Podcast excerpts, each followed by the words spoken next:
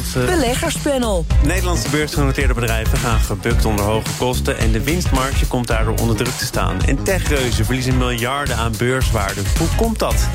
Ik ga het bespreken met het beleggerspanel... en daarin zitten Jos Versteeg van Insinger Gillissen... en Martien Afkamp van Vitesse Vermogensbeheer. Oude getrouwen, goed dat jullie er zijn. Dankjewel. Uh, met als eerste vraag wat jullie laatste transactie is. Jos, Adobe hebben wij gekocht. Uh, het bedrijf is behoorlijk afgestraft. 40% vanaf, vanaf de top uh, eind vorig jaar. En het is eigenlijk een prachtig bedrijf. Het is een, uh, echt een techbedrijf. Het is een dominante speler in de creatieve markten. Al die programma's, Photoshop, Illustrator, Premiere Pro's. Als je licentie weer is verlopen, daar ken ik het dan van. Precies, heel goed, heel goed. En mensen kopen het altijd, want je kunt niet zeggen van... nou, ik pak wel een ander programma, want je hebt het, je hebt het echt nodig. En zij profiteren toch ja, van een hele lange termijn trend van digitalisering. En ja, wij vinden eigenlijk wel van het is wel, het is wel voldoende afgestraft. Waarom en dan moeten we nog maar zien. dan 40% zeg je? Ja, dat is eigenlijk wel, wel, wel bizar. Uh, ze zijn steeds met vrij magere vooruitzichten gekomen. Maar als je kijkt nou, hoe ze bijvoorbeeld begonnen, begonnen ze met het vierde kwartaal mee. En toen was het, viel het vooruitzicht voor het eerste kwartaal een beetje tegen. Maar waren allemaal nog binnen de range. En ze klaagden wat over margedruk, maar ja, ze houden toch hun verwachtingen voor het hele jaar vast. Ik denk dat het ook te maken heeft met die rentestijging, waar we misschien zo meteen al over praten. Het hele verhaal van het sentiment van dit moment. Het ja. valt allemaal nog wel mee, maar wat er komt, nou, dat is vreselijk. Ja, ja dat, dat, dat is het, ja. Martine, wat mag ik van jou verwachten wat betreft jouw laatste transactie? Uh, ik heb Berkshire Hathaway gekocht. Dat je dat nog durft te zeggen op dit oh, moment? Oh, dat durf ik gewoon heel prima te zeggen. Ik vind namelijk in dit soort onzekere markttijden... Uh, dacht ik van, nou ja, bedoel, dan zoek ook een beetje schuil, uh, maar een beetje zekerheid. En dan vonden wij Berkshire Hathaway een goed aandeel als aanvulling op wat we al hebben in de portefeuille. Want ze zitten dan ook in sectoren die wij eigenlijk nog niet zo hadden, zoals verzekeringsmaatschappijen. Als je nuts- en energiebedrijven, uh, natuurlijk spoorwegen. nou ja, en Apple natuurlijk, heb je er nog bij. Dus in die zin dachten we van, nou dan is dat mooi om een beetje, ja, nou zeg maar een beetje een soort vluchthaven. En nou ja, tot nu toe zijn we, wij zijn er wel heel blij mee. Ja, dat zeg je met nadruk omdat er beleggers zijn, aandeelhouders die wat kritisch zijn op het. Uh, het MVO-beleid van Warren Buffett. Te weinig ja. sociaal, te weinig milieu, te weinig vrouwen. Waarover zometeen meer. Nu eerst naar het uh, cijferseizoen. Hoge kosten voor grondstoffen, personeel, energie. Er raken ook uh, de meeste beursgenoteerde bedrijven in Amsterdam. Blijkt uit een analyse van het seizoen tot nu toe door het FD. 70% van de AEX-bedrijven waarschuwt voor die stijgende prijzen. Logisch, gezien uh, wat ik net allemaal noemde. Maar daar wil ik dan bij opmerken dat als je kijkt naar de cijfers die naar buiten komen in Europa en ook in Amerika, dat de verwachtingen nog worden overtroffen. Dat het met de winst in sommige gevallen toch nog best wel behoorlijk goed gesteld is. Dus Waar zit er nou naar te kijken? Um, nou ja, dat is natuurlijk, het zit er allemaal nog een beetje in. Maar de, het gaat meer om de verwachtingen. Daar zie je wel dat die af en toe wat naar beneden worden bijgesteld. Nou, die inflatie, als je dan, dan gaan we even terug naar Warren Buffett. Die heeft er volgens mij vorig jaar mei al voor gewaarschuwd. Uh, dat, en toen was er nog echt, zeg maar, geen vuiltje aan de lucht. Of niet zo heel veel vuiltjes. Uh, dus ja, dat is dan. Uh, dus hij heeft dus wel wat meer gezien. En dan is hij toch weer het orakel van Omaha, zeg maar. Maar ja, bedoel. Um, ja, wat je nu vooral ziet, en dat zag je eigenlijk het vorige cijferseizoen ook al, vorige kwartaal, dat echt de verwachtingen, daar worden bedrijven op afgerekend. En als het ook maar een heel klein beetje tegenvalt, uh, ja, dan, dan krijgen ze om hun oren van hier tot Tokio. En dan maakt het eigenlijk niet zoveel uit. Ik bedoel, wat Jos zegt over Adobe, dat er gewoon al 40% vanaf is. Terwijl het gewoon cashflow genererend bedrijf is. En je ziet nu een beetje van dik hout zaagt men planken. Eerst was het natuurlijk, de, zeg maar, als je dan naar de techbedrijven kijkt, echt bedrijven die nog geen cashflow genereerden positief, uh, dat die al natuurlijk uh, in de uitverkoop gingen. En nu zijn de grote techjongens aan de beurt als het een heel klein beetje uh, tegenvalt. Ja, er hoeft dus niet zo heel veel te gebeuren. Je kunt nog prima binnen de bandbreedte blijven en toch al worden afgestraft. Dat zegt dan iets over dat de paniek er blijkbaar al in zit voordat er daadwerkelijk reden is. Tot ja, absoluut, absoluut. En uh, kijk, het is natuurlijk wel even een, uh, een, een, een, gok wat, uh, wat de Fed gaat doen. De Fed gaat keihard op de rem trappen. de rente, nou, die, die gaat van nu 0,25 tot een half. Nou, zo'n gok is iets boven de drie. Weet nou, het al? Ja, nou, ja, nou, dat is de verwachting, zeg ik niet. Ik zeg dat is de verwachting, dat is de marktverwachting. Dat ze volgend jaar boven de drie of iets hoger zitten. Nou, dat is echt heel hard op de rem trappen. En dat is niet zonder risico. Dus ik begrijp wel dat markten een beetje nerveus zijn. Ja, maar ook, ook binnen die condities blijven er bedrijven die in staat zijn om uh, gestegen prijzen door te berekenen. Hè. Ja, dat vind ik wel interessant dat je dat zegt. Waar wij sterk op letten is eigenlijk inflatie heeft, eh, dat raakt bedrijven op drie punten. Bij de inkoop van grondstoffen. Nou, dan moet je dus eigenlijk dus niet in bedrijven in staalfabrieken zitten, maar bedrijven die heel veel toegevoegde waarde hebben. Nou, personeelskosten, ja, daar hebben ze allemaal wel, wel last van. Dat hoor je ook bij, bij de tech. Maar en de balans. Als je veel schuld hebt, ja, en de rente gaat omhoog, dan ben je de, ben je de pineut. Dus als je daar beetje op dan, uh, dan kom je er redelijk mee weg. Ja, dus je hoeft nog niet heel erg te hebben doorgestudeerd. Dan wil ik niks afdoen aan het uh, antwoord van Jos. maar om het toch nog te redden op de beurs. Ja, ja, nou, je moet gewoon goed je huiswerk doen. Maar dat is niet anders dan anders. Alleen het is nu, uh, komt het weer extra naar boven. Het is natuurlijk een tijd geweest dat je eigenlijk niet uitmaakte wat je kocht. Want alles ging omhoog. Maar nu de echte marktomstandigheden veranderen. Of in ieder geval de entourage eromheen. Natuurlijk ook met verkrappende centrale banken. Waardoor er meer, minder geld in omloop gaat komen dan moet je weer veel beter kijken. Maar als je dan ook weer kijkt, je hebt ook uitzonderingen. Hè? Want als je Holcim bijvoorbeeld had, dat is een heel energie-intensief bedrijf. Maar ja, die kwam wel weer met beter dan verwachte resultaten. Dus het gaat ook vooral om die prijszettingskracht hè, die ze hebben. En uh, ja, ja, bedoel, als je het dan niet nog nu kan doorrekenen, om, omdat je vaste contracten hebt, dan kan je het misschien over een poosje wel. En wanneer lukt dat wel, wanneer lukt het niet? Heeft dat vooral te maken met concurrentie? Ja. Wat Jos zegt over Adobe, je wordt min of meer gegijzeld. Want ja, Adobe nou, dat zag je, natuurlijk ook bij Microsoft. Uh, bedoel, die, die zegt zelf ook, bedoel, onze programma's die worden gewoon, die blijven gekocht worden. Want we kunnen niet, we, die bedrijven kunnen niet zonder. En als je ergens in blijft investeren, is het natuurlijk in software. En dat is natuurlijk bij zoveel bedrijven. Kijk, als je maar eh, producten hebt of diensten die echt heel gewenst zijn, of waar je niet zo goed zonder kan, ja, dan heb je natuurlijk kracht. Maar er zijn bedrijven die er tot nu toe in slagen om het allemaal door te rekenen. Unilever is voorbeeld. Hè, hebben toch gezegd, nou, dat is ons voor een belangrijk deel gelukt. Winstmarge is nog altijd meer dan behoorlijk. En toch zeggen ze dan met het oog op de toekomst... ja, maar hier blijft het niet bij. Dingen worden duurder en we zullen er misschien niet altijd in slagen... om die prijzen door te rekenen. Dus ja, ook daar is somberheid ja, troef. Ja, nee, maar op een gegeven moment gaan mensen natuurlijk op zoek naar wat anders... als het te duur wordt. Dus je moet ook altijd, je hebt tot op zekere hoogte... Unilever, bedoel, je hebt ook een product van Procter Gamble, van Nestlé. bedoel, dat is nou niet een uniek product wat uh, Unilever allemaal biedt. Wel zijn merken, maar ja, bedoel, zo merkentrouw zijn dan consumenten niet. Als je het dan hebt over ASML, ja, dus zonder de, uh, zeg maar, de machines van ASML wordt het toch lastig, zeg maar. Ja, wat denk jij van bijvoorbeeld uh, zo'n groot bedrijf als Unilever? Nou, Unilever had dus wel 1% volumedaling. Dus je ziet daar al wel van dat dat, dat, dat, dat, wel wat kost ook uh, om die prijzen zo ja, te verhogen. 1% volumedaling, maar die prijzen zijn meer gestegen ja, 8% dan 8%. Dus ja, dat, dat is fenomenaal. En dat is belangrijk als je dus een sterk merk hebt. Bij ASML, dan las ik dat verhaal in het, in het FD... dat het ASML er ook last van had. Nou ja, dat is natuurlijk heel betrekkelijk. Hè? Dat zijn gewoon oude orders die ze binnengehaald hebben. En zij hebben geen cost-plus systeem, maar ze hebben, zij doen value pricing. En dat is eigenlijk ze investeren in machines. Die machines worden efficiënter. En des te meer wafers zo'n zo waferstepper kan maken, des te meer ze ervoor kunnen vragen. Dus zij hebben er helemaal geen last van hoor, op, op langere termijn. Nee, ze hadden alleen een beetje last van dan ook van hogere personeelskosten. Ja, precies. En de hogere personeelskosten. Maar het, het, aandeel ASML heeft toch ook wel eens hoger gestaan. Ik kwam een, tweet tegen van Arend Jan Kamp, mede panelid van. Oh ja, nee, maar dat heb ik ook wel eens gezegd. Min 24 procent. ik ga nu toeslaan ten opzichte van de top? Want, uh, Nou, ik denk dat de daling daar... Bedoel, als je gewoon bedoel, je bent geen belegger voor drie maanden... en dat, dit zijn van die bedrijven... Nou, ja, de, bedoel, er is geen enkele bedrijf wat erbij in de buurt komt. Dus het is alleen maar heel goed. En uh, nou, je krijgt natuurlijk te maken... Bedoel, de waarderingen zijn nu op basis van dat de rente gaat stijgen. Nou ja, dan eh, zijn, daarom zijn de koersen wat lager. Maar ja, bedoel, dat doet helemaal niets af aan het businessmodel van ASML. Over die uh, rente die gaat stijgen... want zoveel staat wel min of meer vast, hè, morgen morgen is volgens mij het rentebesluit van de Fed voor de eerste verhoging van 50 basispunten dat is toch wel, neem ik aan, behoorlijk ingecalculeerd? Natuurlijk is dat ingeprijsd. Maar je ziet natuurlijk, als je gewoon ook kijkt naar de lange rentes... die zijn al best opgelopen. En daardoor krijg je natuurlijk andere waarderingen. Maar ja, bedoel, uh, kijk, het gaat er nu om... nou, die 50 basispunten, die zit er nu wel in, inderdaad, voor mij. Maar nu gaan mensen zich weer zorgen maken... dat het misschien wel 75 worden. Nou, maar daar zit de markt dan weer niet op te wachten. Want dat zit er niet helemaal in. Ja, de lange rente was 10% gisteren voor het eerst weer... Ja. Uh, sinds uh, de crisis. We gaan naar deel 2 van dit panel. BNR Nieuwsradio. Zaken doen. Thomas van Zeil.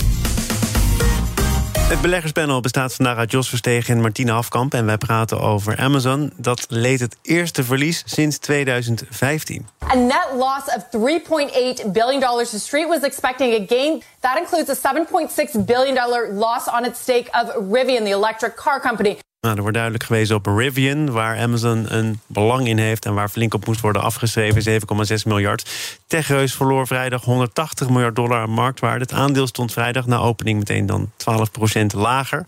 Dat is wel een indicatie dat verlies en Amazon al een tijdje niet meer bij elkaar horen. Dus als je dat dan toch moet Nou, rapporteren, dan kom je in de problemen. Ja, ze hadden al een tijdje operationele kas uitstromen. Maar dat is voor Amazon niet zo heel bijzonder. Ehm, kijk, ja, zij hebben de afgelopen tijd die pandemie enorm geprofiteerd. En ze hebben daar ook flink voor geïnvesteerd in, in die groei. En nu blijkt dus dan toch wel, dat zag je in, in maart bij de detailhandelscijfers in, in Amerika, dat voor het eerst de, de, de, de, fysieke winkels eh, wel groeiden en de e-commerce kromp.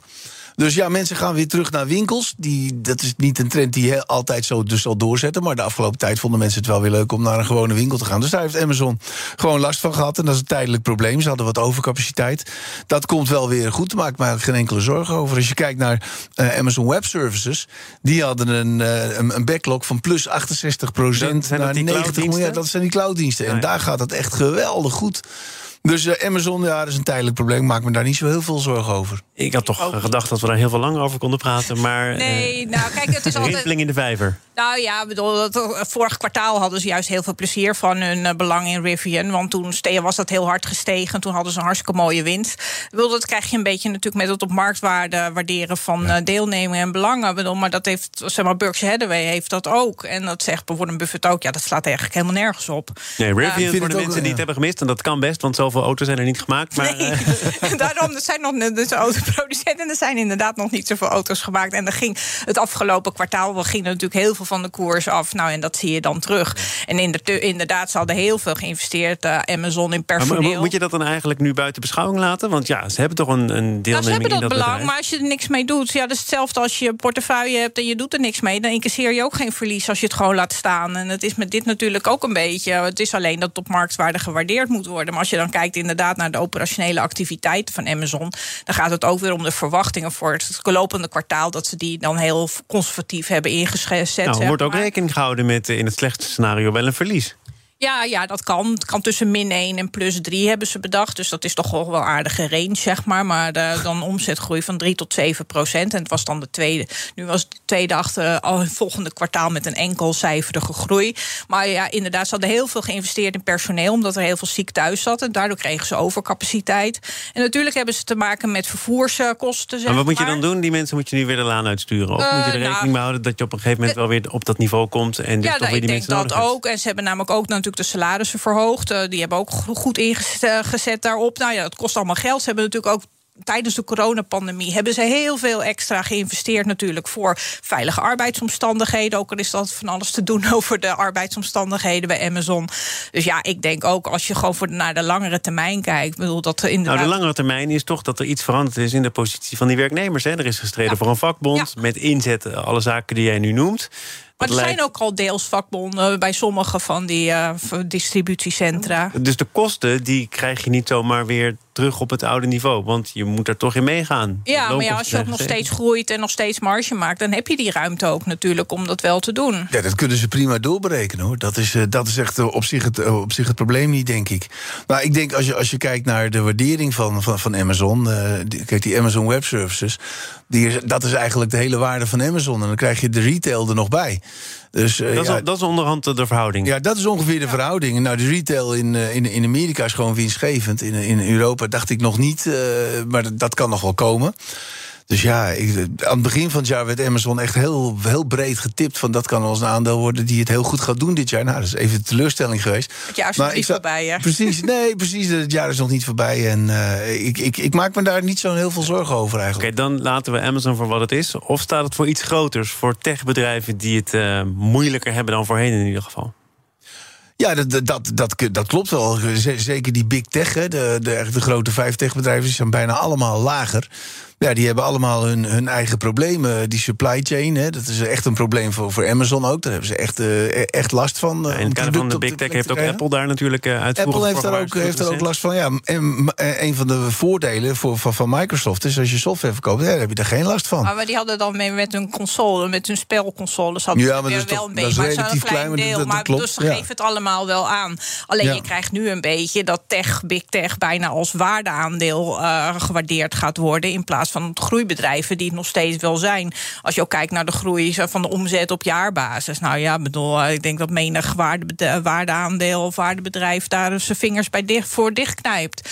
Dus ja, zoveel is, zoveel is er nou ook Maar goed, je niet zegt allemaal. Amazon zelf moet nu ook uitgaan van enkelcijferige groei. Ja. Dat is een verschil ten opzichte van de afgelopen jaren. Ja, maar misschien was het ook wel extreem hard gegroeid. En dat, dat soort groeipercentages kan je natuurlijk bij dat soort grote bedrijven kan je ook nooit vasthouden. Ik bedoel, dat hetzelfde met helemaal als je het over inflatie hebt. Op een, gegeven moment gaat de stijging van de inflatie tempo daar wel een beetje van uit, zeg maar. Maar kan het nog Maar dan steeds wordt het toch ook steeds meer staan? een waardeaandeel dan een groeiaandeel? Nou, je tot op zekere hoogte. Ik denk dat er nog, precies waar we het net over hadden, dat er genoeg groeipotentieel in blijft zitten. Ik bedoel, ze hebben ook hun Prime-abonnementen, hebben ze de prijzen van verhoogd. Nou, dat gaan ze ook steeds meer uitrollen, zodat er steeds. Amazon wil ook overal zitten in je huis, zeg maar. Dus er kan allemaal steeds meer. Eh, en dus er is nog heel veel groei te halen. En één kwartaal, ja, dan maak ik maar daar ook niet zo heel erg Oké, voor. oké, genoeg.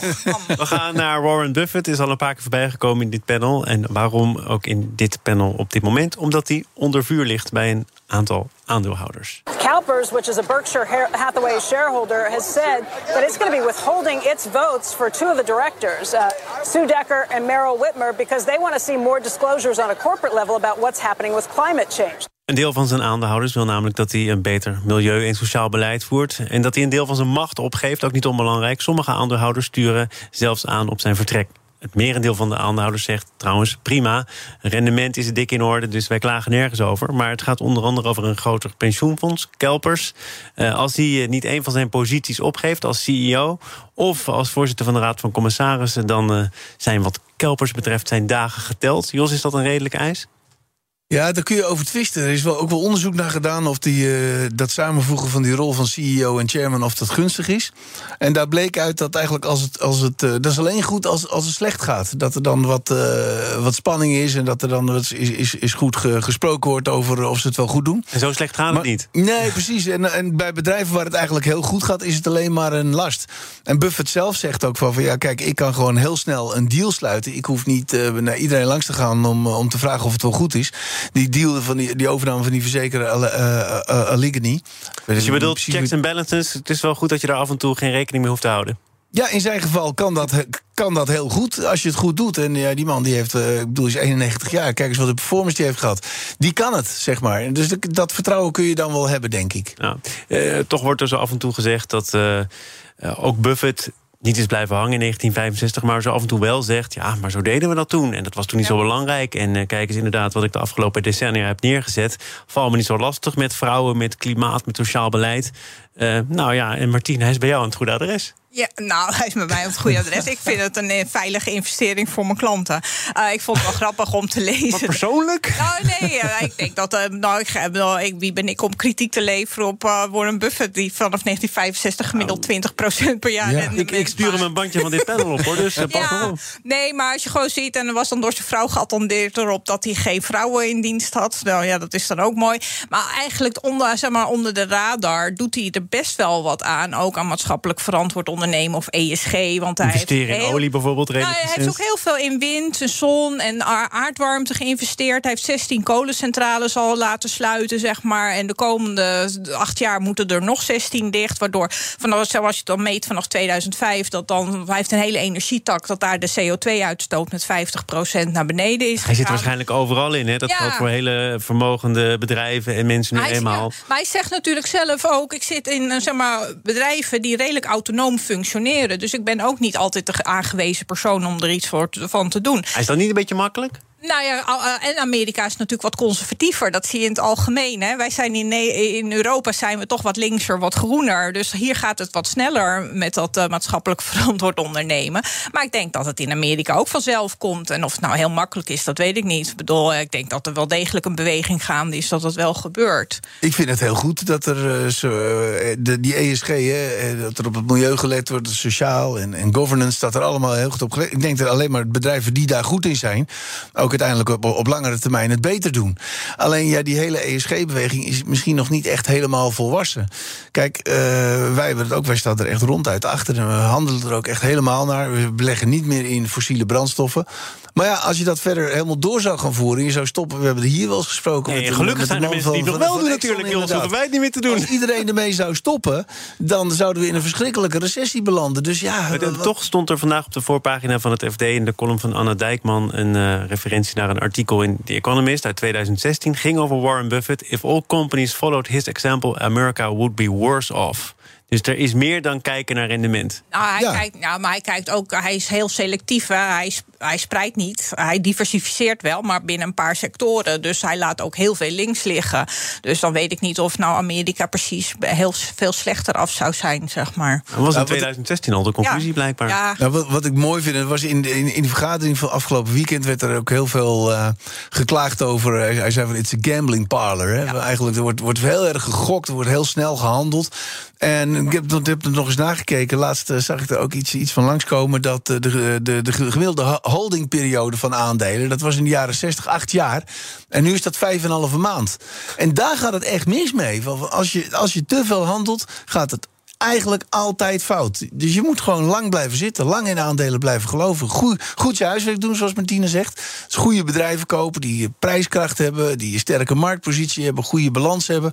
En als je daar maar in blijft geloven, dan, dan komt het vanzelf wel weer goed. Er zijn ook mensen die geloven in bitcoin, maar Warren Buffett niet. Hè? Nee, Om, als afsluiting, hij heeft gezegd... als je me alle bitcoins in de wereld zou aanbieden... voor 25 dollar zou ik dat aanbod afslaan. Want wat moet ik ermee? Het enige dat ik ermee kan doen... is al die bitcoins weer aan je terugverkopen. Ja, klopt. Visionair, die man. Ja, nou ja, en dan, daar, is, daar is de gemiddelde holdingperiode ook niet zo lang, zeg maar. Dat past niet in zijn, uh, in zijn beleving. Nou heeft hij ook niet zoveel heel veel kennis van, van Big Tech, hoor.